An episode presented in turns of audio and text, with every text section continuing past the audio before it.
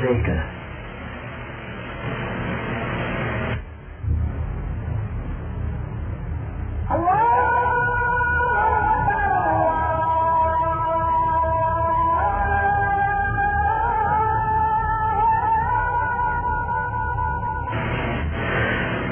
වහන්සේ වන අල්ලාහ් ශ්‍රේෂ්ඨතම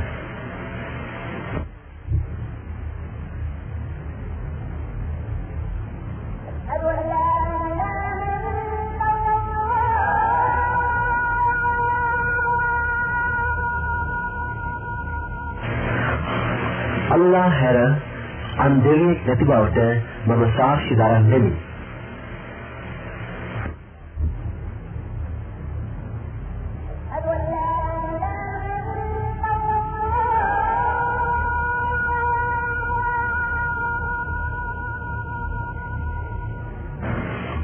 අල්ලා හැර අන් දෙවියෙක් නැති බවට මම සාක්ෂි දරමි. මොහොමත්තුමා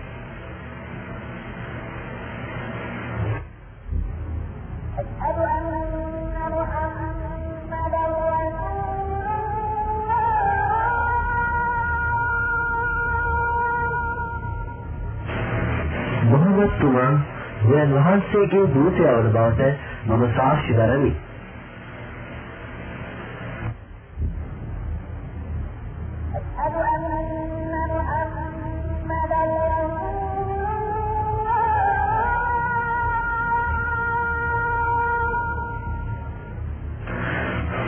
මොහොමත්තුමා දෙයන් වහන්සේගේ දූතයා වන බවට මම සාක්ෂි දරමි.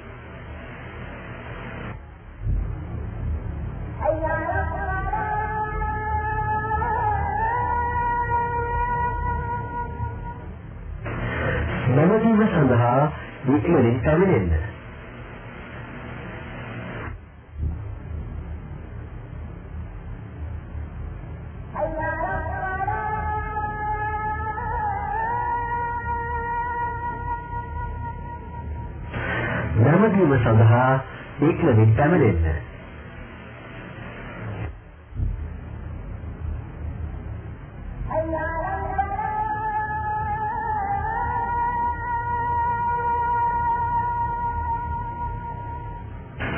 ජයග්‍රහණය සඳහා ඉක්මනින් පැමිණෙන්න.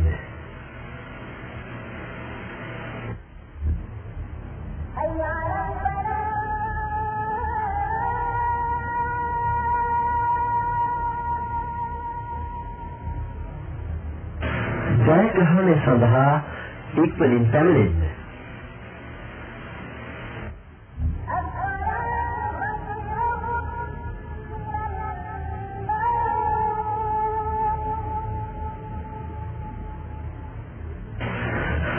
මුන්දට වඩා නැමදීම මනාය.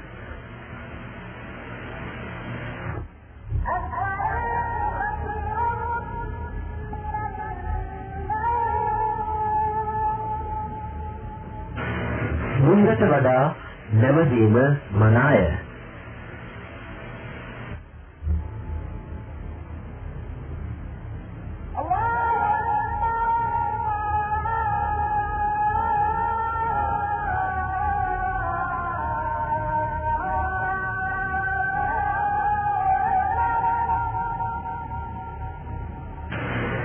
බුදුන් වහන්සේ වන අල්ලාහ් අති ශ්‍රේෂ්ඨතම වනසේක.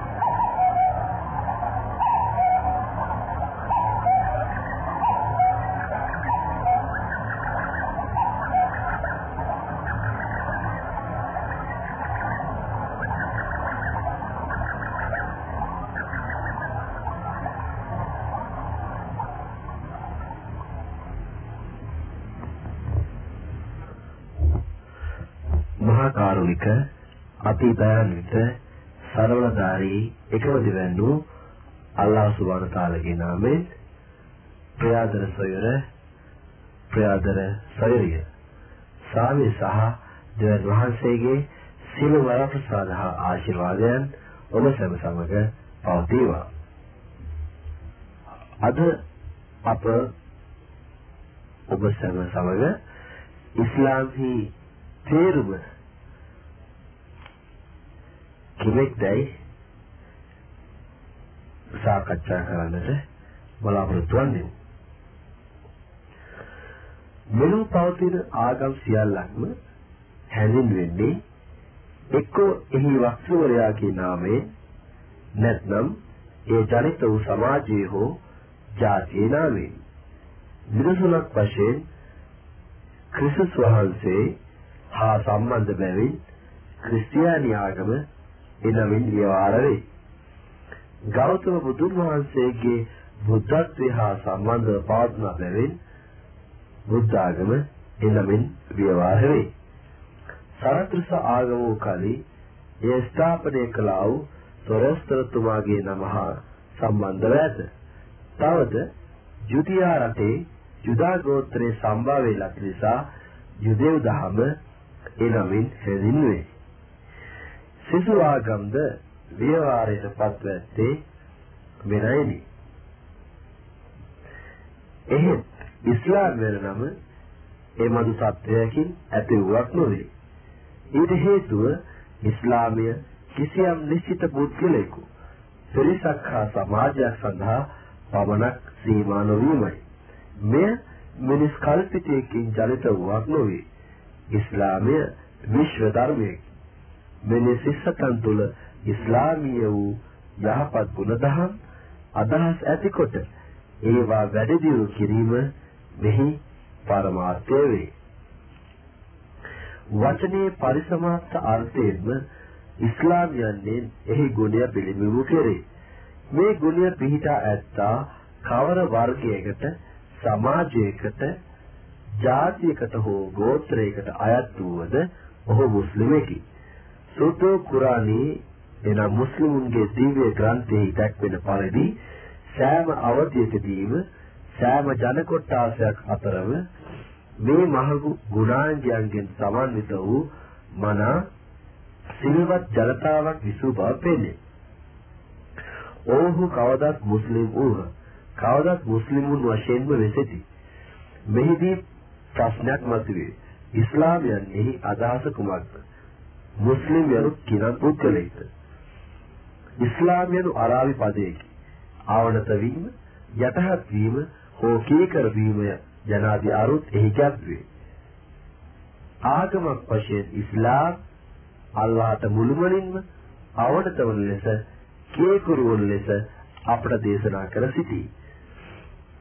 මේ ඉස්ලාම් යනුවෙන් හැඳින්වෙන්නේ ඒ නිසාය. ඉස්ලාම් යන්නේ තවත් සමානාර්ථයක් සාමයයි. ශාරීරික හා මානසික වශයෙන් සැබෑ සාමයක් ශාන්තියක් ලබාගත හැක්කේ අල්ලාහට අවනත වීමෙන් හා කීකරු වීමෙන් පමණි. ඒ මඳු සුවච ජීවිතයකින් චෛතසික සාමය ඇතිවේ. සමාජීය සාමයද ඉන්දුරා තහවුරු වේ. අප වසර මේ විශ්වය එක්තරා ක්‍රමවත් සැලැස්මක් අනුව ක්‍රියාත්මක වන බව නොරහසකි. සක්වල පවත්නා සෑම දෙයකම එක්තරා න්‍යායක් පිළිවෙලක් දක්කරට ඇත.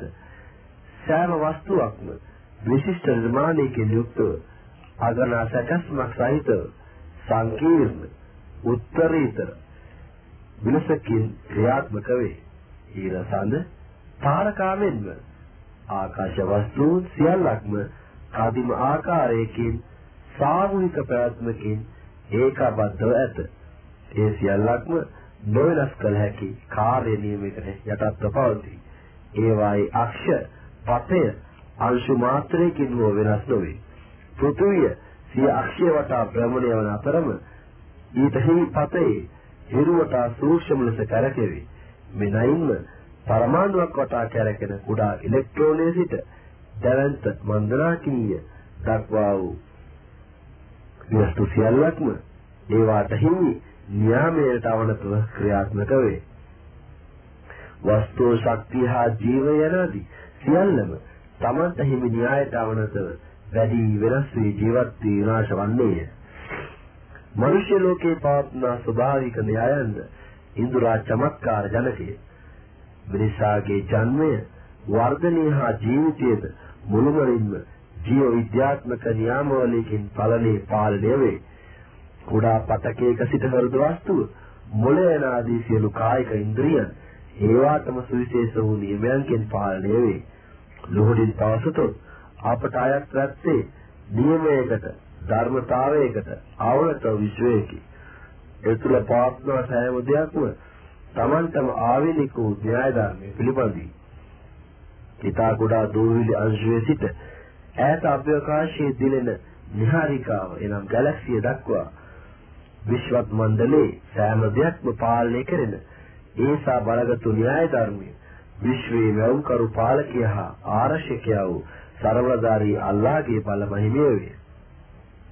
මෞල් ලැබූ සියල්ලක්ම අල්ලාහගේ නියමයට අවනත බැවින් මුළු විශ්වත් මණ්ඩලයම ඉස්ලාම් වේ. ඒ ඉස්ලාමයෙන් අල්ලාහට කීකරු වීම ආවනත වීම අදහස් කරන බැවිනි. මේ අයුරින් ඉර සඳ තාරකා පොළව හා නිහාරිකාද ඉස්ලාමීය තවද වාතය ජලය තාපය ගස් ගල් හා සිව්පාවුන්ද මුස්ලිම් වේ. අල්ලාහගේ න්‍යායන්ට යටත්ව යටහත් කීකරුව පවත්නා බැවින් ලොවැති සියල්ලම මෙලයි ඉස්ලාම් වේ. අල්ලාහ් නොඅදහන පුද්ගලයෙකු අල්ලාහ් හැර අන් කිසිවකට පුද සත්කාර කළත් ඔහුගේ ශාරීරික අවයවන්ගේ පැවැත්ම ක්‍රියාකාරීත්වය ගැන සැලකන කල්හි ඔහුද මුස්ලිම්ය. කලල අවස්ථාවේ සිට මරණයට පත්ව පසහා මුසුවන තාක්කල් ඔහුගේ කායික පතක පේශි බඳු සෑම ඉන්ද්‍රියක්ම අල්ලා විසින් විවිධාකාර ලෙස නිර්ණය කළා වූ න්‍යාය ධර්මයට අනුකූලව ක්‍රියාත්මක වන හේයින් ඔහුගේ මුළුමහත්ම ජීවිතේම ඉස්ලාම්ය. සෝකීය මුලාව නිසා අල්ලාහට පිටුපෑවත් බහුදේව විශ්වාසයකින් යුතුව කතා කළත් ඔහුගේ දිවව පවා ස්වභාවයෙන්ම මුස්ලිම්ය. අල්ලාහට පිටුපා අන් කිසිවකට පහත් කරන ඔහුගේ සිරස පවා මුස්ලිම්ය. සැබෑ දැනුමෙන් තොර වූවද සෙස්සන්ට දයාලුකම්පාව හා ගරුසරු දක්වන ඔහුගේ හෘද වස්තුවද පිහිටීමෙන් හා පැවැත්මෙන් මුස්ලිම්ය. ඒ සියල්ලක්ම දිව්‍ය න්‍යායින්ට කීකරුය. දිව්‍ය න්‍යායන්ට පමණක් අවනතව ඒවායි පාලනය වෙමින් ක්‍රියාත්මක වේ. මෙය මිනිසාගේ හා විශ්වයේ යථා තත්වයයි. මෙය අන් ලෙසකින් විමසා බලමු. මිනිසා එකිනෙකාට වෙනස් වූ දෙයාකාර ස්වභාවය මිනිසා එකිනෙකාට වෙනස් වූ දෙයාකාර ස්වභාවයන්ගෙන් යුක්ත වේ. ඉන් එකකදී මොහු ඉඳුරා දීපමේ පාලනයට යටත්ව සිටි. එයින් ඔබට අඟලකුද සැලවිය නැකිය. කවර ක්‍රමයකින් හෝ අන්දමකින් හෝ මොහොත එයින් ඉවත් විය නොහැකිය. ඇත්තෙන්ම සිසු ජීවීන් මෙන් මොහුද සපුරා ස්වභාව ධර්මයේ ග්‍රහණයට හසු වී සිටි. ඒ අනුව හැසිරීමට බැඳී සිටි. මොහුගේ ස්වභාවයේ තවත් පැත්තක් ඇත. ඒ අනකක්ය. මේදී ඔහුට විමර්ශන බුද්ධිය හා ඥානීය දායදේ වශයෙන් ලැබී ඇත. සිතාමතා බැලීමට හා තීරණයක් ගැනීමට, තෝරා බේරා ගැනීමට හෝ ඉවත ලෑමට, පිළිගැනීමට හෝ පිළිකෙව් කිරීමට බලය ඇත. තමන් විසින් තෝරා ගන්න ලබන අන්දමේ දිලිපෑත්මක් ගෙන යාමට ඔහුට නිදහස ඇත. සුවකීය අභිමතයේ පරිදි ඕනෑම ආගමක් වැළඳගත හැකිය. ඕනෑම අන්දමක දිවිතාත්මක් පුරුදු පුහුණු කරගත හැකිය. සුවකීය චර්යා ධර්මයේ සකස් කරගත හැකිය. නැත්නම් අනුන් විසින් දිනු කළ ප්‍රයත්නක් අනුගමනය කළ හැකිය. සිය මනාපය පරිදි සුවකීය ප්‍රයත්න සකසාගත හැකිය. සෙසු ජීවින්ට මෙන්නව මිනිසාට චින්තන නිදහස මෙන්ම තෝරා බේරා ගැනීම හා ක්‍රියා කිරීමේ නිදහසද ඇත. මිනිස් දිවියක් තුළ මේ දෙවිදි ස්වභාවයක්ම මිශ්‍රව පවතී. පළමු ස්වභාවයේදී මිනිසා සිසු ජීවීන් මෙන් ජන්මෙන් මුස්ලිම්ය. මුස්ලිමෙකු වීමට අනිවාර්යයෙන්ම සිදුව ඇත. දෙවන ස්වභාවය ගැන සැලකීමේදී මුස්ලිමෙකු වීමට හෝ නොවීමට ඔහුට නිදහස ඇත. මෙහිදී තෝරා ගැනීම නිදහස ඔහුට ලැබී ඇත. මේකේ නිදහස පවත්වා ගැනීමේදී මිනිස් වර්ගයා කොටස් දෙකකට බෙදේ. කොටසක් අල්ලා අදහති. අනෙක් පිරිස අල්ලා නොඅදහති. අනෙක් පිරිස අල්ලා නොඅදහති. සුවකීය මවුන්කරු අල්ලා හැඳින ගන්නා ඔහු සුවකීය ස්වාමීය වශයෙන් පිළිගනී. අවන්කල සහ මුළුමනින්ම අල්ලාහගේ න්‍යායන්ට අලසකට අවනත වේ. සෝකීය පෞද්ගලික හා සමාජික ජීවිතය හැඩගස්වා ගැනීම පිණිස අල්ලාහ් අනාවරණය කළා වූ විනයමාලාවන් පිළිපදිමින් පූර්ණ මුස්ලිමෙකු වේ. තමන්ට ලැබුණු තෝරා ගැනීමේ හැකියාව හා නිදහස හේතු කොටගෙන අල්ලාහට කීකරු වීමට තීරණය කිරීම නිසා මොහු ඉස්ලාමයේ පූර්ණභාවය හිමි කරගත්තව කිව හැකිය. දැන් මොහුගේ සමස්ත ජීවිතේම අල්ලාහට අවනත වූවක් වෙයි. මොහුගේ පෞරුෂත්වයේ ගැටුමක් නැත. මොහු පූර්ණ මුස්ලිමෙකි. අල්ලාහ දුන් ඉස්ලාමයේ පරමාර්ථයට මුළුමනින්ම ආත්ම අවනතභාවය දක්වූ බැවින් මොහුගේ ඉස්ලාමීය බවද සම්පූර්ණ වේ. මුලදී හැඟුමකින් තොරව අල්ලාහට කීකරුව මොහු දැන් හැඟුම් බරව අල්ලාහට අවනත වෙයි. මුලදී සිතා නොබලා අල්ලාහට සිරස දැමූ මොහු දැන් සිතාමතා කැමැත්තෙන්ම සුවචත්ව කීකරු වේ. සිත් හැදෑරීමට හා දැනුම ලබා ගැනීමට තමන්ට හැකියාව ලබා දුන් අල්ලාහ් සිය ස්වාමිය වශයෙන් පිළිගැනීම නිසා මොහොත දැන් නැත්තේ සැබෑ නියම දැනුමකි. තමන්ට සිතින් හා ගැටලු විසඳීමේ හැකියාව දුන් අල්ලාහට ඉඳුරා කීකරු වීමට හිතාගත් බැවින් දැන් මොහුගේ ප්‍රඥාවද සම්පූර්ණය. කතා කිරීමේ හැකියාව දුන් අල්ලාහගේ ගුණ ගායනා කරන බැවින් දැන් මොහුගේ දිවද සත්‍ය ගරුකය. සිතාමතා හෝ නිර්යාසයෙන් මොහුගේ ජීවිතේ සෑම අංගයක්ම අංශයක්ම විශ්වනායක එකම අල්ලාහගේ න්‍යාය පද්ධතියට කීකරු බැවින් මොහුගේ මුළු මහත් ජීවිතේම දැන් සත්‍යයෙන් පිරී පවතී. මුළු විශ්වත් මණ්ඩලය විසින්ම අදහනු ලබන අල්ලාහට මොහුද භක්තිමත් බැවින් මෝහා විශ්වය අතර බැඳියාවක් ඇතිවිය. මෙවදු විසා අල්ලාහගේ මිහිපිට ඛලීෆා එනම් නියෝජිතයා වේ.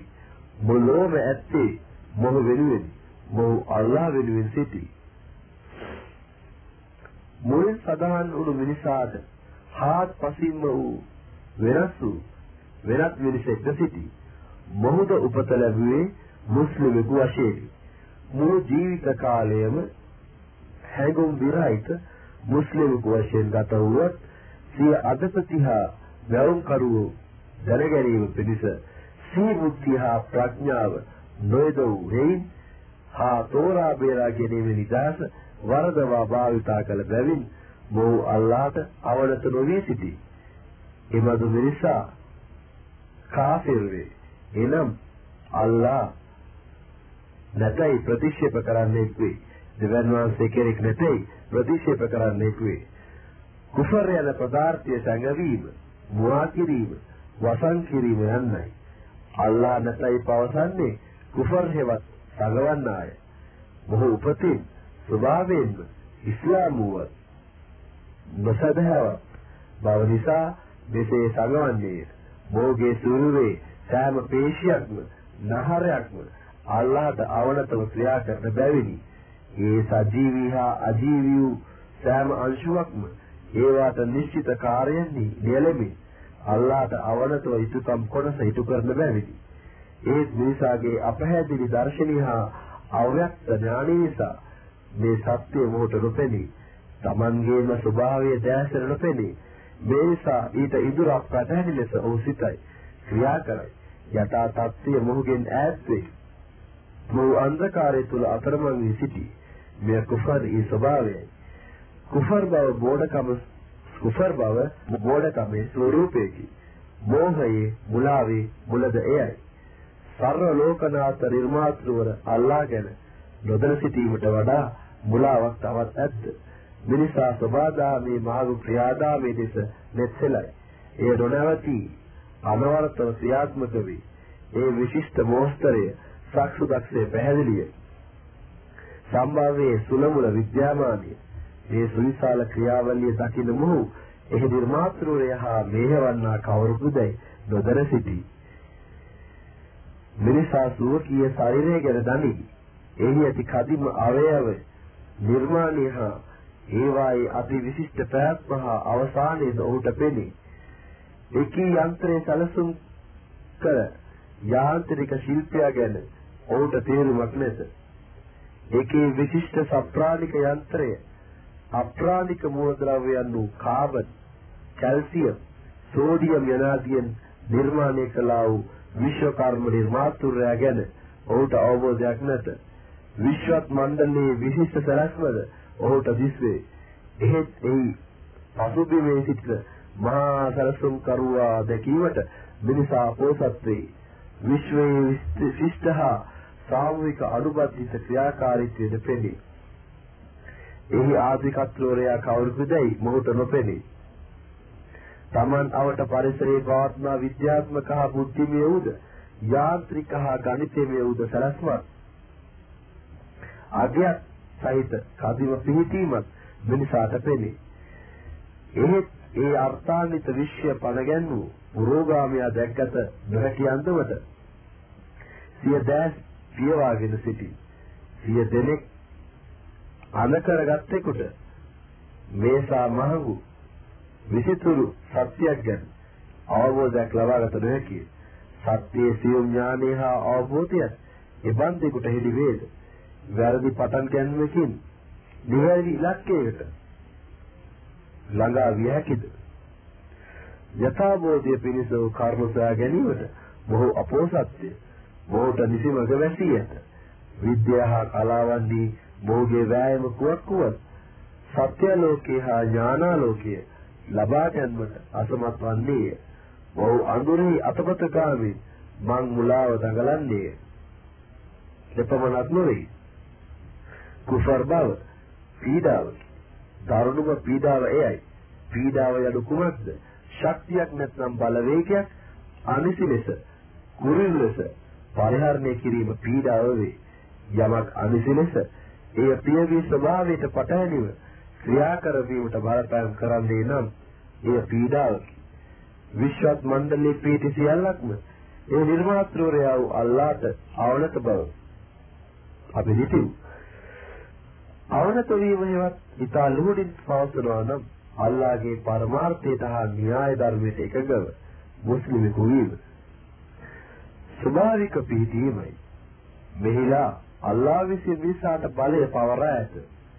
ඒ වායේ ස්වභාවයෙන්ම අල්ලාහගේ මනාපයට අනුකූලව විනා අන්ලෙසකින් භාවිතා නොකළ යුතු වීම මිනිසාට පැවරිය යුතුකමයි. ඒ කිසියෙකු අල්ලාහට අකීකරුව කුෆර් දෙසට හැරෙන්නේ නම් ඔහු බලවත් අසාධාරණයක් කරන්නේ වේ. හේතුව ඒකේ සෑම ශාරීරික මානසික බලයක්ම සුබාදාමට පටහැනි වේදා යොදවමින් බොහෝ අකීකරු වීමයි. අල්ලාහ හැර අන් වස්තුන්ට සිරස නමයි. අන් වස්තුන් කෙරේ ආදරය කරුණාව දයාව හා බිය ඇති කර ගැනීමට පෙළඹේ. මේ ක්‍රියාව සිරසේ හා හදවතේ ස්වභාවික ලැබියාවට හාත්පසින්ම විරෝධීය. මිනිසා සුවකීය ශක්තිය හා බලය අල්ලාහගේ මනාපයට එරෙහිව යොදවමි. මෙනයි දරදරු රාජ්‍යයක් ගොඩනගයි. මෙදයි දරදුරු රාජ්‍යයක් ගොඩනගයි. ගොඩමකුවේ සියලු සහජ ශක්තිය යුක්තියට හා සබාදාමට එරෙහි වේදවයි. සියලු යට පවත්වන සියල්ල වැරදි ලෙස පරිහරණය කරයි. මෙවන් සූරාකන්නක විසින් මීට වඩා අසාධාරණයක් පීඩාව අපරාධයක් හෝ ගොඩමකු ක්‍රියාවක් කළ හැකිද? කුෆර් බව පීඩාවක් පමණක් නොවේ. අල්ලාහට එරෙහිව දියත් කරන කැලැල්ලකි කලගුණ නැසීමකි. පක්ෂග්‍රාහී භාවයකි. හොඳයි. මිනිසාගේ යථා තත්ත්වය කුමක්ද? ඔහුට ඇති ශක්තිය බලය කවරේද? සෝකීය මනසේ හදවතේ ප්‍රාණේ හෝ සිරුරේ සිසු අවයවන්හි නිෂ්පාදකයා මිනිසාමද නොයසේනම් ඒවා අල්ලාහගේ නිර්මාණයක්ද? විශ්වය හා එතුල පවත්නා සියල්ල මැව්වේ මිනිසාද? නැත්නම් අල්ලාහද? සියලු බල ශක්තිය මිනිස් යහපත පිරිස සැකසුවේ මිනිසාද? නොයසේනම් අල්ලාහද? සියල්ලක්ම අල්ලාහ විසින්ම මවනු ලැබුවේ නම් ඒවා අයත් වන්නේ කාටද? ඒවායේ නියම උරුමකාරයා කවුද? නීති අනුකූල පාලකයා කවුද? සැබවින්ම අල්ලාහ මිස අන් කෙනෙක් නොවේ. වවුන් කරුවා ස්වාමිය හා පාලකයා අල්ලාහම වන්නේ නම් ඔහුගේ පරමාර්ථය ඔහුගේ පරමාර්ථයට එරෙහිව ඒවා පරිහරණය කරන්නාට වැඩි මොනක් කැරලි කරුවෙක් සිටිය හැකිද? අල්ලාහට එරෙහිව සිතමින් ඔහුට එරෙහිව විවිධ අංශවල සිතුවිලි මෙහෙවන්නා වූ මිනිසාට වඩා කැරලි කරුවෙකු සිටීද? ස්වාමියා පාවා දෙන සේවකයා ගුණමකයෙකු ලෙස පිළිකුල් කරමු. රජයට අපක්ෂපාතී රාජ්‍ය නිලධාරියෙකුට රාජ්‍ය ද්‍රෝහියෙකු යයි පවසමු. Tamanta උපකාරයක් කළ කෙනෙකුට වංචා කරන මිනිසා හෙලා දැකීමට පසුබට නොයමු. එසේනම් කුෆර් බවින් එනම් අවිශ්වාසවන්තකමින් කරන ගුණමක වීමට ද්‍රෝහී වීමට හා වංචනික වීමට සමාන දෙයක් තවත් ඇද්ද? හොඳයි. සෑම බලයකම බල කලයකම සැබෑ කාරකය කුමක්ද? සෑම වස්තුවක් කෙරෙහිම මිනිස් බලපෑම ලබා දුන්නේ කවුද?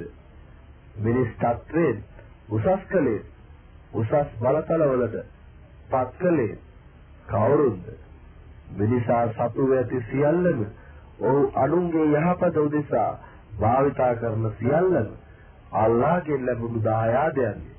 මිනිසා මිහිබිට අතිශයින් ණයගති වන්නේ සිය දෙමාපියවරුන්ටය.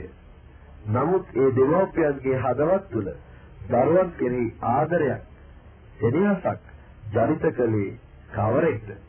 මාගේ හදවත තුළ දරුවන් කෙරෙහි සැලකිල්ල, පෝෂණය කිරීමේ ආශාව හා කිරි පෙවීමේ ලැබියාව පිරිනැමුවේ කවුරුද? දරුවන්ගේ යහපත පිණිස ඕනෑම පරිත්‍යාගයක් කිරීමේ දෙමාපිය සෙනෙහස දී කලේ කවුරුද? මේ කරුණු පිළිබඳව මද වශයෙන් සිතා බලන කල්හි මිනිසාගේ පරම ආධාර කරුවා අල්ලාහ් බව හොඳින් පැහැදිලි වේ. අල්ලාහ් මිනිසාගේ මැවුම් කරුවාය, පෝෂකයාය, ආරක්ෂකයාය, සැබෑ පාලකයාය, අධිරාජ්‍යවරයාය. අල්ලාහගේ අල්ලාහගේ తත්වය ඒසා උත්තරීතරව තිබියදී ඔහුට අකීකරු වීමෙන් ගුණමක වීමෙන් කර්ණි කිරීමෙන් වංචනික වීමෙන් සුවකීය නායකයාට පාලකයාට පෝෂකයාට ආරක්ෂකයාට අධිරාජ්‍යයට හා ආධාර කරුට මොනතරම් ද්‍රෝහිකමක් කරන්නේද මිනිසා කුෆර් වීමෙන් එනම් දෙවන් වහන්සේට බව අවිශ්වාස කිරීමෙන් සරබලධාරී අල්ලාහට කිසියම් හානියක් සිදු කළ හැකි වෙති නොසිතන්න. ඔහුට අල්ප මාත්‍ර හානියක් හෝ කළ හැකි නොවේ. විශ්වත් මණ්ඩලය තුල අංශු මාත්‍රයක් බඳු මිනිසා සර්ව ලෝකනාථ අල්ලාහට එරෙහිව කවර හානියක් කරන්නද? අතිශය බල සම්පන්න පුරදක්මයකින් නුවද අල්ලාහගේ අසීමිත රාජ්‍යයේ ඉවත් කොනක් දැගත නොහැකි පෘථුවිය සූර්යයා චන්ද්‍රයා හා තාරකාවන් බඳු ආකාශ වස්තු කුඩා බෝලමේ ගැඹුරවන්නේ අල්ලාහගේ අනසකට අවනත වීමෙනි ඒ තරමට ඔහු බල සම්පන්නය ඔහුට අවශ්‍ය දෙයක් නැත. ඔහුට දීමට තරම් දෙයක් අපට නැත. අවශ්‍ය වන්ට අවශ්‍ය වූ සියල්ලන්ට ජීවිතය තරමට ඔහු මුළු මහත් සක්වලටම ස්වාමියාය. මිනිසාගේ කැලලෙන් අල්ලාහට සිදු කළ හැකි පාඩුවක් නැත. හානියක් නැත. අනෙකටට අල්ලාහට අසීකරු වීමෙන් මේසා පරිහානිය කරා ගමන් කරයි. ආත්ම හානියක් සිදු කරගනි. ඔහුට ඉදිරිවන්නේ නිന്ദාවයි, නිග්‍රහයයි, අවවාදයයි, අවමානයයි, අවඥාවයි. ජීවිතයේ උසස් පරමාර්ථ ඉටු කර ගැනීමට ඒකේ විප්ලවීය පිටුපෑම ඉමහත් බාධාවකි. එමග කර්ලි කරුවෙකුට කොහෙත්ම සම්මා දිට්ඨිය එනම් සැබෑ දැකීම නොලැබේ. හේතුව නොදකින ඥානයකින් සත්‍ය සොයාගත නොහැකිය. එබන්දෙකුගේ බුද්ධිය ඥානය හා දැනුම නිතර නොමග යන සුළුය. සෝකිය නිර්මාතෘවරයා හඳුනාගත නොහෙන තරමට දැනුම වරදවන ඥානයකින් ජීවිතය දීප්තිමත් කරගත නොහේ. එවැන්නේ ජීවිතයේ සෑම අංශයකදීම පරාජය දකි. ඔහුගේ සදාචාරාත්මක පෞද්ගලික සමාජික හා පෞල් ජීවිතය ජීවිකා ජීවිකා වෘත්තිය කෙටියෙන් මුළු මහත් ජීවිතේම අවුල් ජාලාවක් වේ. ඔහු පොළොව මත අවුල් බියවුල් සිදු කරයි. ලේ වැగిරවීම, අරුන්ගේ අයිතිවාසිකම් වලට පහර දීම, කූර වීම, කලබලි ඇති කිරීම, හා විනාශකාරී ක්‍රියාවන්හි නිරත වීම යනාදී විසක වශයෙන්ම ඉදිරිපත් වෙයි. ඔහුගේ වැරදි ආකල්ප හා වැරදි ලැබියා ආශාවන් අපැහැදිලි දර්ශන වැරදි ඇගයීම් හා සාපකාර ක්‍රියාවන් නිසා ඔහුගේ පමණක් නොව ඔහු වටා සිටින්නන්ගේද ජීවිතය අමිහිරි වෙයි. එමදු මිනිසා මිහි පිට සාමයේ වනසයි. සිසු ජීවිතද විෂකවයි. සිය ස්වාභාවිකත්වයට බලවේගයට හා සම්පත් වලට කළා වූ අපරාධ නිසා මාරින්මත ජීවිතයේදී වික්තිකරුවෙක් ලෙස පෙනී සිටි. ඔහුගේම අවයවයන් ඔහුට විරුද්ධව සාක්ෂි දරනු ඇත. මොහුගේ මොළය දෙනෙත් නාසය හා අත්පායනාදී ශාරීරික අවයවයන් තමන්ට ඒ මිනිසා කළ අපරාධ ගෙනහැර දැක්වමින් ඔහුට දොස් පවරුණු ඇත. ඔහුගේ සිරුරේ සෑම පතකයක්ම අල්ලාහ් හමුවේ ඔහුට විරුද්ධ කරුණු දීපත් කරනු ඇත. යුක්තිය උල්පතෝ අල්ලාහ් ඒ මිනිසාට දිය යුතු උපරිම දඩුවම පිළිගමන්නේ. කුෆර් භවයේ නින්දනීය විපාකයයි ඒ. එලෝ මෙලෝ දෙලෝ ජීවිතය මුළුමනින්ම අසාර්ථක කරවීමට කුෆර් බව මඟ පාදන්නේ. දෙතෙක් කුෆර් කුෆර් බව නිසා සිදුවන ආයත ඵල විපාකයන් ගැන සාකච්ඡා කළෙමු. එනම් දෙවියන් වහන්සේ ගැන කරන අවිශ්වාසය නිසා සිදුවන ආයත ඵල විපාක ගැන සාකච්ඡා කළෙමු. දැන් ඉස්ලාමයෙන් ඇතිවන ආශිර්වාදයන් ගැන මතක් විමසා බලමු. අපවට ඇති ලෝකයේ මෙන්ම අපගේ කුඩා රාජධානී එනම් ශරීරයේ අප්‍රමාණ වූ පැහැදිලි ජීවමය බලවේගයක් බලවේගයෙන් දැක්කත හැකිය.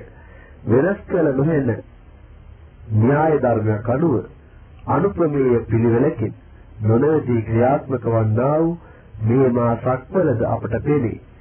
මෙයින් එහි සැලසුම් කරු වූ, මැවුම් කරු වූ, පාලක හා ආරක්ෂකයා වූ අල්ලාහගේ සර්ව ශක්තිය ඉමක් නිමක් නැති සර්ව බලධාරීවා සියල්ල එකිනෙකට සම්බන්ධ කරන අසීමිත බලයක් ඔහුගේ දැනුම හා නුවණත් විදහා දැක්වේ. ඔහුගේ නුවණ සර්ව සම්පූර්ණ වේ. ඔහුට අකීකරු වීමට තරම් සක්වල කිසිවක් එළිතර නැත.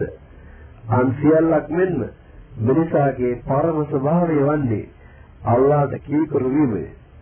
කෙසේ හෝ නොදැනුවත්වම මිනිසා දිනෙන් දින අල්ලාහට අවනත වෙමින් සිටී.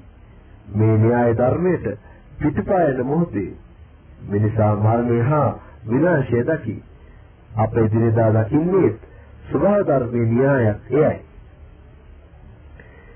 දැනුම ලබා ගැනීම හා සිටීමේ හැකියාවත් හරි වැරදි තෝරා බේරා විනිශ්චය කර ගැනීමේ හැකියාවත් මිනිසාට පිරිනමු අල්ලාහ් අදිස්ථාන බලය හා ක්‍රියාපිළිවෙල සකස් කර ගැනීම පිණිස මොහොත ප්‍රමාණවත් තරම් විදාසද දී ඇත. මිනිසාගේ සැබෑ විභාගයේ පැවැත්වෙන්නේ මේ නිදහස තුලිනි. දැනුම නුවණ හොඳ නරක තෝරා බේරා ගැනීමේ ශක්තිය අදිස්ථාන බලය හා ක්‍රියා පිළිවෙල යනාදී සියල්ල විභාගයට ලක් කෙරේ. මේ විභාගයේදී මිනිසාට නිශ්චිත ක්‍රමයක් පිළිපදින මෙත් බල නොකරේ. එසේ බල කෙරේ නම් විභාගයේ පරමාර්ථය විවර්ත වී යන බැවිනි. විභාගයේ පරමාර්ථය ව්‍යර්ථ වී යන බැවිනි. පරීක්ෂණයකදී කිසියම් ප්‍රශ්න පත්‍රයකට නිශ්චිත පිළිතුරක් ලියන මෙන් බල කෙරේ නම් ඒ පරීක්ෂණයෙන් පළක් නැත. ඔබගේ දැනුම් තේරුම් පමණින් නිදාසේ පිළිතුරු සැපවීමට අවසර ලැබුණේ නම් විෂයාකාර පරීක්ෂණයක් වේ. ඔබේ පිළිතුර නිවැරදි නම් ඔබ සමත් වනු ඇත. එයින් ඔබේ මතු දියුණුව දිසා මඟ පෑදේ. ඔබේ පිළිතුරු වැරදි සාගත නම් ඔබ විභාගයෙන් අසමත් වනු ඇත. එයින් ඔබේ මතු දියුණුව ඇනෙහිටිනු ඇත. මිනිසා මූණු දැන ලෞකික தත්ත්වයේද මේ හා සමානය. අල්ලා අදිස්ථාන බලය හා ක්‍රියා කිරීමේ ශක්තිය මිනිසාට පිරිනමමින් ජීවිතේ කැමැති මාර්ගයක් පිළිපැදීමට නිදාස දී ඇත. මොහොත සිය අභිමතය පරිදි ඉස්ලාමය හා කුෆර් බව තෝරාගත හැකිය. දැන් මෙසේ සලකා බලමු. Tamanගේ ස්වභාවය හෝ විශ්වයේ ස්වභාවය තේරුම් ගත නොහෙන පුද්ගලෙක් සිටි. සෝකීය සබෑ ස්වාමියා කවරෙකුදයි හඳුනා නොගත් මොහු ඒ ස්වාමියාගේ මහිමේ දරදනි අකීකරු වෙමින් පෙරලි කරමින් සිය නිදහස වරදවා මෙහෙවයි. මේ නිසා සිය විභාගයේදී දැනුම නුවණ හා යුතුයකම ආගේ ස්වභාවයන්ගෙන් අසමත් වේ. අප කලින් සඳහන් කළ තත්වයට වඩා යමක් මොහොත අත් නොවේ. අනෙක් අතට සෙසු මිනිසෙක් විභාගයෙන් විශිෂ්ට සමර්ථයක් ලබයි. සිය දැනුම හා බුද්ධිය නිවැරදි ලෙස උපයෝගී කොට සෝකිය නිර්මාතෘවරයා කවරකුදයි දැන හැඳිනගෙන අදහයි. කිසි බලපෑමකින් තොරව අල්ලාහට අවනත ඍජු මාර්ගය තෝරා ගනි. හොරනක විනිශ්චය කිරීමේ කර ගැනීමේදී වැරදි නොකරයි.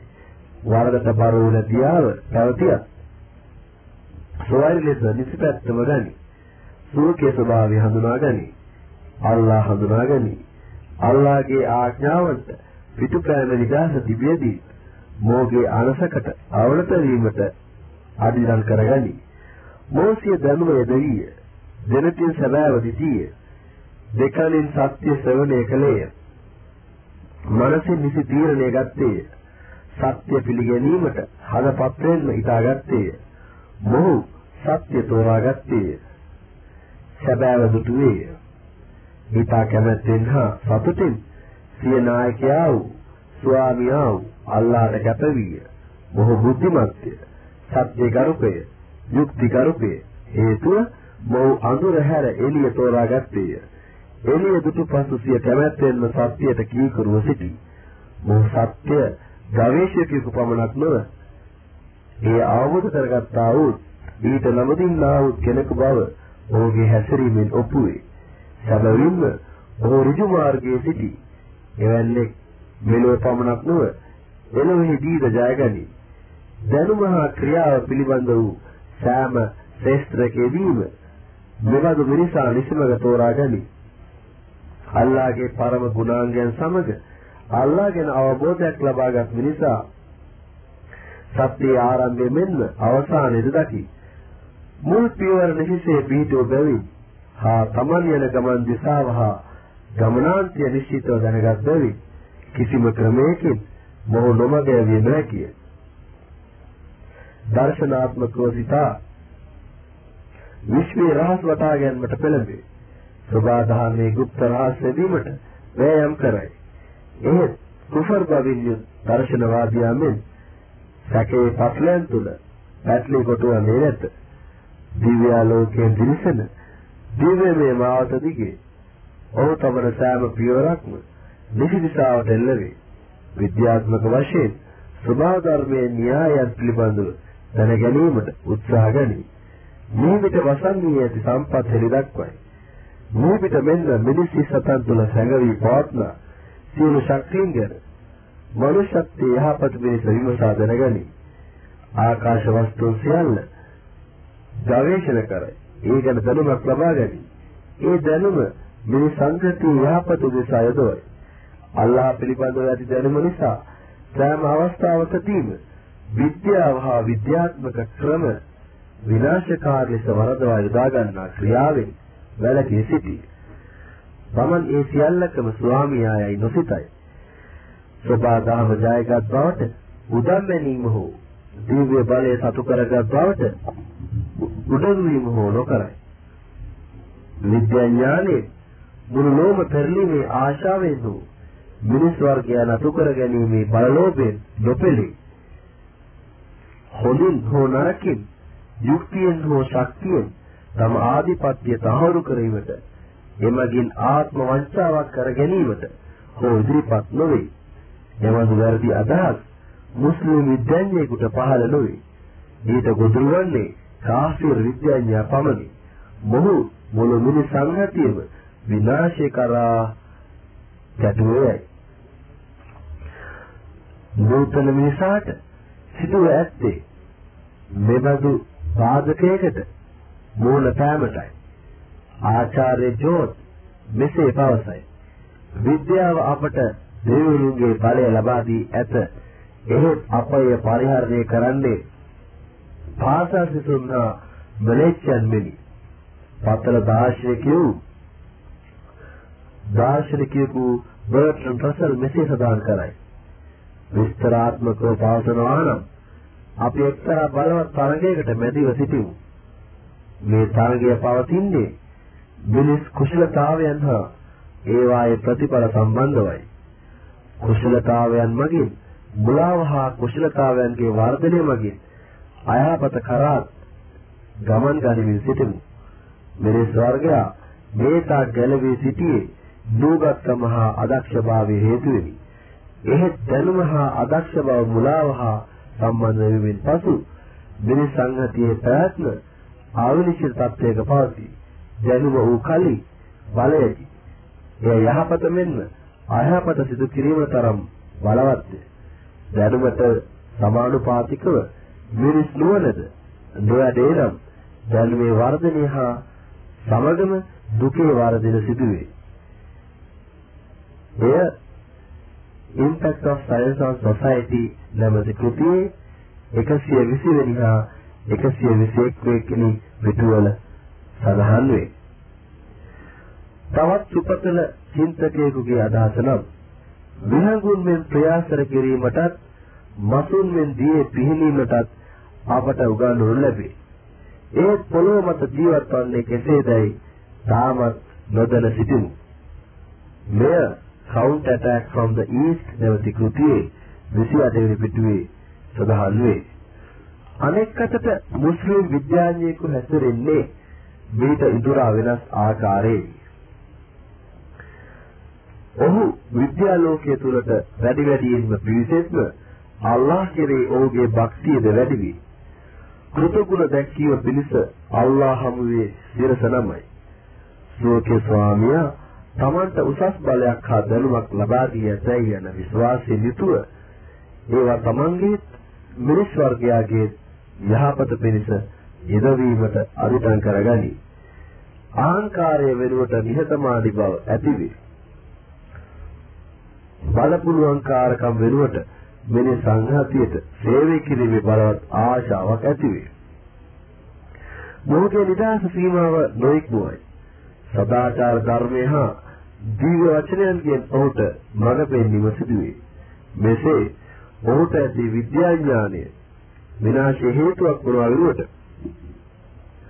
මිනි සංගතියේ සුභසිත හා සදාචාරයේ පුනර්ජීවයට සාධකයක් වනු ඇත. තමන්ටම හිමි වූ දස්කම් හා ආශිර්ය වෙනුවෙන් තම ස්වාමියා වූ අල්ලාහට මිනිසා තුති පුදන්නේ මේ අයුරිනි. මෙලෙසින්ම ආර්ථ ශාස්ත්‍රය, දේශපාලනය, නීතිය හා සිසු කලාත්මක හා විද්‍යාත්මක අංශයන්හි පර්යේෂණ හා ගවේෂණය කිරීමේදී මුස්ලිම් කිසිසේ කාෆිර් කෙනෙකුට පහත් නොවේ. එනමුත් මේ දෙදෙනගේ දෘෂ්ටි කෝණවල හා පසුව ක්‍රියාකලාපයන්හිද විශාල වෙනසක් පවතී. මුස්ලිමෙක් සෑම සිත් සතරක්ම නිසි දෘෂ්ටියකින් හා නියම පරමාර්ථයකින් යුතුව හදාරයි. අවසානයේදී නිසි නිගමනයකටද බසී. ඉතිහාසය සම්බන්ධයෙන් මුස්ලිම් ඉතිහාසඥ මිනිසාගේ පුරාතන අත්දැකීම් වලින් නිසි පාඩම් ලබා දෙමි. ශිෂ්ටාචාරයේ උන්නතියට හා අවනතියට හේතු සැබෑ කරුණු සොයාගනි. අතීත පාඩම් වලින් යහපතක් සලසා ගනිමින් ජාතින්ගේ වැටීමට හා අවනතියට හේතු වූ වැරදි වලින් ගැලවී සිටී. දේශපාලනයේ වශයෙන් මුස්ලිම් පාලකුගේ පරමාර්ථය වන්නේ සාමය, සහෝදරත්වය, නීතිය හා යහපත් බව පවත්න රජයක් පිළිවීමයි. රාජ්‍ය බලය අල්ලාහ්ගෙන් පැවරුණු උතුම් වාක්‍යයක් ලෙස සැලකයි. එබඳු රාජ්‍යයක මිනිසා මිනිසාගේ සහෝදරයාය. මිනිස්කමට ගරු කෙරේ. සූරාචාරයක් නැත. වහල් භාවයක් දක්නට නැත. මිනිස් අයිතිවාසිකම් උතුම් කොට සැලකේ. ආරක්ෂාවේ අධිකරණ සම්බන්ධයෙන් මුස්ලිම් නීතිදීජිකුට අධිකරණ සම්බන්ධයෙන් මුස්ලිම් නීතිවේදියෙකුගේ ප්‍රයත්නය වන්නේ යුක්තිගරුක නීතියක් බිහි කිරීම හා එයින් සියල්ලන්ගේම වෙනසින් දුපලයන්ගේ අයිතිවාසිකම් ආරක්ෂා කිරීමය. කවුරුත් Tamanට හිමි කොටස ලබා ගැනීමටත් කිසිවෙකුට අයිතියක් හෝ අතවරයක් අවහිරයක් ඇති නොවීමටත් වග බලා ගනී. ඔහු නීතියට ගරු කරයි. අනුන් ලවා ගරු කරවයි. නීතිය යුක්ති සහගතව මනාව සාධාරණ ලෙස යොදවා ගැනීමට වග බලා ගනී. මුස්ලිමෙකුගේ සදාචාරාත්මක ජීවිතය උකලි නිතරම අල්ලාහ කෙරේ බය, භක්තිය, සත්‍ය කරුක හා අවංකභාවයෙන් සමන්විත වේ. මොහු මිහිපිට ජීවත් වන්නේ සියල්ලකම ස්වාමියා අල්ලාහ පමණක් බව අදහමිනි. තමන්ට හා අනුන්ට ලැබී ඇති සියල්ලම අල්ලාහගේ දායදයන් බව, දිනුරියන් බව තරේම අදහයි. තමන්ට හිමි කිසියම් බලයක් ඇතනම් ඒ අල්ලාහගෙන් ලැබුණු වගකීමක් ලෙස සැලකයි. තමන්ට ලැබී ඇති නිදහස අල්ලාහගේ මනාපයට අනුකූලව මිස ආයතු වන්දමින් නොයදී විසි බව අදහයි. කිසියම් දිනක තමන් ආපසු අල්ලාහ වෙත යන බව ලෝකීය ජීවිතය පිළිබඳව අල්ලාහට සවිස්තර වගේ උත්තර ඉදිරිපත් කළ යුතු බවත් නිරතුරුව සිහි තබා ගනි. මෙබඳු වකීමෙන් යුතු හැඟීම් මනසේ සෑම විටකම සාවරුව පවතී. මොහු කිසිසේත් නොසලකීමත් වකීමෙන් තොරව හැසිරෙන්නේ නොවේ. මෙබඳු මානසික තත්ත්වයක් සහිතව ජීවත් වන මිනිසෙකුගේ විශිෂ්ට සදාචාරාත්මක ජීවිතය ගැන සිතා බලන්න. මොහුගේ ජීවිතය පවිත්‍රය, සිල්වත්ය, දයාබරය, පරිහිතකාමී. මොහු මිනිස් සංඝාතයට ආශිර්වාදය. මොහුගේ සිතුවිලි දුර්ගුණ වලින් දූෂිත නොවේ. වරද දැකීමෙන්, වරදන සමන් දීමෙන්, වරද කිරීමෙන් මොහු වැළකී සිටී. දීවරක ගනි. කිසි විටක මුසාවක් නොදඩයි. සාධාරණ හා සම්මා වායාමයෙන් එනම් යහපත් වෑයමෙන් ජීවනෝපාය සලසා ගනි. සූරාකෑමෙන් හෝ ආයුක්තියෙන් ඉපැයු එනම් හරාම් වූ අකප වූ ආහාරයේ බුදිනවාට වඩා සාගිනින් පසුවීම අගය කරයි. අනුන් පිළීමේ හෝ අනුන්ගේ ජීවිත විනාශ කිරීමේ කටයුතු වල නොයදී. බොහෝ යහපත් භවයේ ප්‍රතිමූර්තියකි. උතුම් භවයේ සංකේතයකි. ආත්ම පරිත්‍යාගයෙන් වද සාධාරණ රැකීමට වෙන්නේ සියලු අසාධාරණකම් පිළිගොල් කරයි. කාර දුක්ඛම් කටුණු හමු වුවත් සත්‍ය දෙසා එලිතරව ඉදිරිපත් වේ. මොහු ජයගන්නේය. ඒ වළක්වාලීමට මෙහි පිට జగතෙක් නැත. මොහු අතිශය සම්මානනීය වන්නේය. ගෞරවනීය වන්නේය. මේලා මොහු අභිභවන්නට තරම් කෙනෙක් නැත.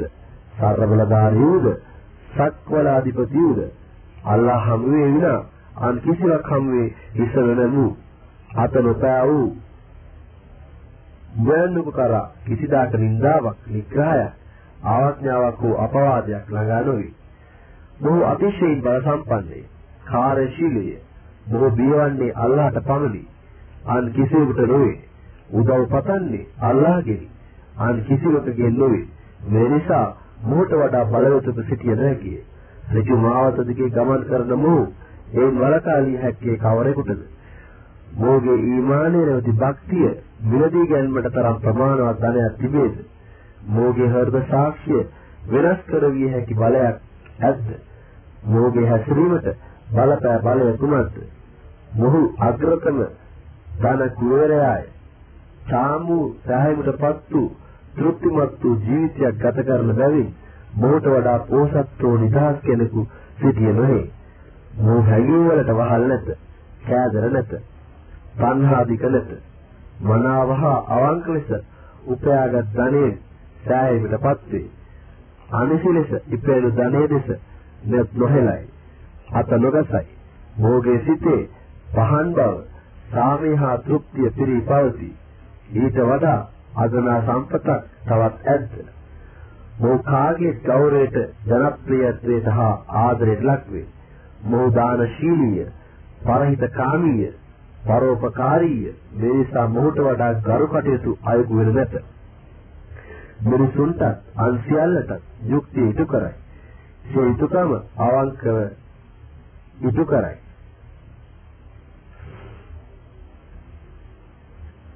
අනුන්ගේ යහපත පිණිස විශ්වාසදායක ක්‍රියා කරයි. මේ නිසා කාගේ සිත් මොහ කරා නිතින් ඇදීයයි. එබැවින් කවුරු මොහුට කැමැත්තෝය. මොහු විතා විශ්වාසවන්ත වූ සම්මානනීය වූ තනත්තාය. Tamanta පැවැර යුතුකම මේස ඉටු කරන බැවිලු යුක්තියට සාධාරණත්වයට එකඟව ක්‍රියා කරන බැවිලු මොහුට වඩා විශ්වාසවන්තයෙක් වෙල නැත. වචනේ පමණින් මොහු සත්‍ය ගරුකය ගනුදෙනු වලදී ඍජුය අවංකය. අල්ලා සදා දර්ශනීය හා සදා පරිශාකාරී බැවින් සෝකීය සෑම කටයුත්තකදීම අවංකය යුක්තිකරුකය මෙවැන්නෙකුගේ ගුණ දහම වැනීමට වදන්නට මෝ කෙරේ විශ්වාසය නොතබිය හැක්කේ මක් නිසාද? මුස්ලිමෙකුගේ ජීවිතය හා චර්යාව එබඳු නොවේද? මුස්ලිමෙකුගේ නියම චර්යාව වටහාගතහොත් ඔහුට වැගෑපත් වූ යටහත් පහත් වූ වහල් වූ ජීවිතයක් ගත කළ නොහැකි බව පැහැදිලි වේ. මොහු කවදත් අනුන් අභිභවා සිටිය යුතුය. මෙහි පිට කිසිම බලයක් මගින් මොහු පරාජය කළ නොහැකිය. ඊට හේතුව කිසිම මායාවක්, මන්ත්‍ර බලයක්, වශීකරණයක් බඳු ගුරුකමකින් ජයගත නොහැකි පමණට ඉස්ලාමයෙන් මොහු තුළ විශිෂ්ට ගතිගුණ වගා කොට තිබීමයි. මේ මහ පොළොව මත ගෞරවාන්විත සම්මානනීය ජීවිතයක් ගත කළාට පසු මිනිසා සූකීය නෞකාරය වූ අල්ලාහ වෙතට ආපසු යා යුතුය. සිය යුතුයකම් නිසීතු කළ නිසා මෙලොවෙහි උපන් හේතුව ජයග්‍රහයි වනිම කළ නිසා දීර්ඝ විභාගයෙන් සාර්ථකව සමත් වූ බැවිනු මොහුට අල්ලාහගේ අගන ආශිර්වාද හිමිවේ. මොහුගේ මෙලෝ දිවියද සරවිය මරින් මතු මෙලෝ දිවියද සාමයේ සතුට පිරුණේ වේ ඉස්ලාමියන් එයයි මිනිසාගේ ස්වභාවික ධර්මයයි. කිසිම මිනිසෙකුට හෝ සම්බන්ධ නැති කාලයකට හෝ දේශයකට සීමා නැති ආගමයි. මේ මිනිසාගේ ආගම වේ භෞතික මාර්ගයයි.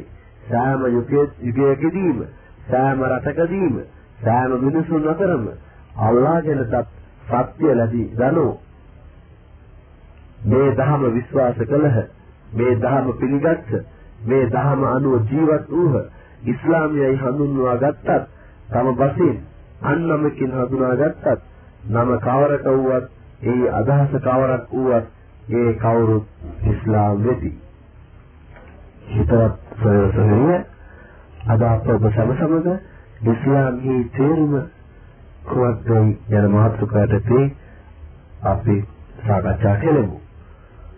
ඉස්ලාම් ධර්ම ගැන වැඩි විස්තර දැනගැනීම සඳහා සෞදි අරාබියේ අල් කසීමි මුරේදා නගරයේ පිහිටි ජාත්‍යන්තර ඉස්ලාමීය අධ්‍යාපනික ආයතනය වෙත අප හමු වීමට පැමිණ හෝ දුරකථන අංක 3.24යි 8.9යි 8.0 වෙත අප ඇමතීමෙන් හෝ දබල් පෙට්ටිය 142 මොරේ දයන පරිපිනයට ලිවීමෙන් ඔබ සැමට සහායව පිණිස අපි සදා එකම දිවෙන්නු අල්ලාහගේ නාමයෙන් වැඳී සිටින්නෙමු.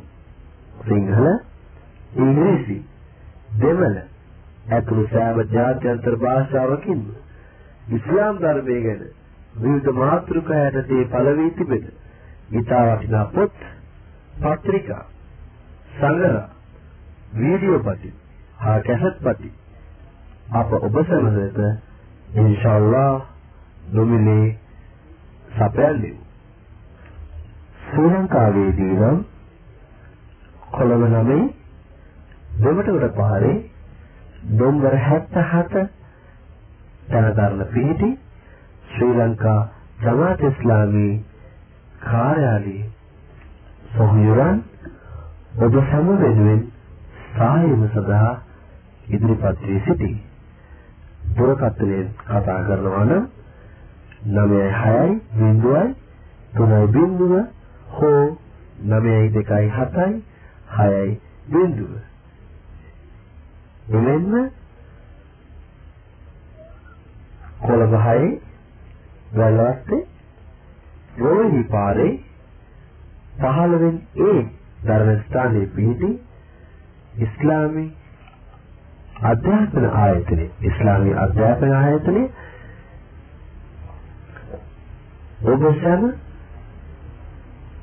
වෙනුවෙන් සහයෝග සඳහා සිටි ටෙලිෆෝන් දුරකථනයෙන් කතා කරනවා නම් 5 8යි 6 6යි 6 බිඳුව 5 8යි 6 6යි 6 බිඳුව ඉතින් සොයර සොයරිය තවත් මෙවන් ඉස්ලාමීය දැනුම වඩන වැදගත් වැඩසටහනකින් ඔබ සැම නැවත හමුවනති අස්සලාමු අලයිකුම් උතුම් වූ ඉස්ලාමීය ආශිර්වාදයන් ඔබ සැමට පිළිලමමි ඔබ සැමගෙන් අදට සමුගන්නා මා ඔබ සැමගේ සොයුරු محمد شريف أبو ريان تسجيلات خالد بن الوليد الإسلامية السلي شارع هارون الرشيد الرياض هاتف اثنان أربعة واحد صفر ستة واحد خمسة. فاكس اثنان أربعة واحد صفر خمسة تسعة خمسة. خالد بن وليد إسلاميك ريكوردينج السلي هارون الرشيد ستريت تليفون نمبر two four one zero six one five. Fax two four one zero five nine five. Riyadh Saudi Arabia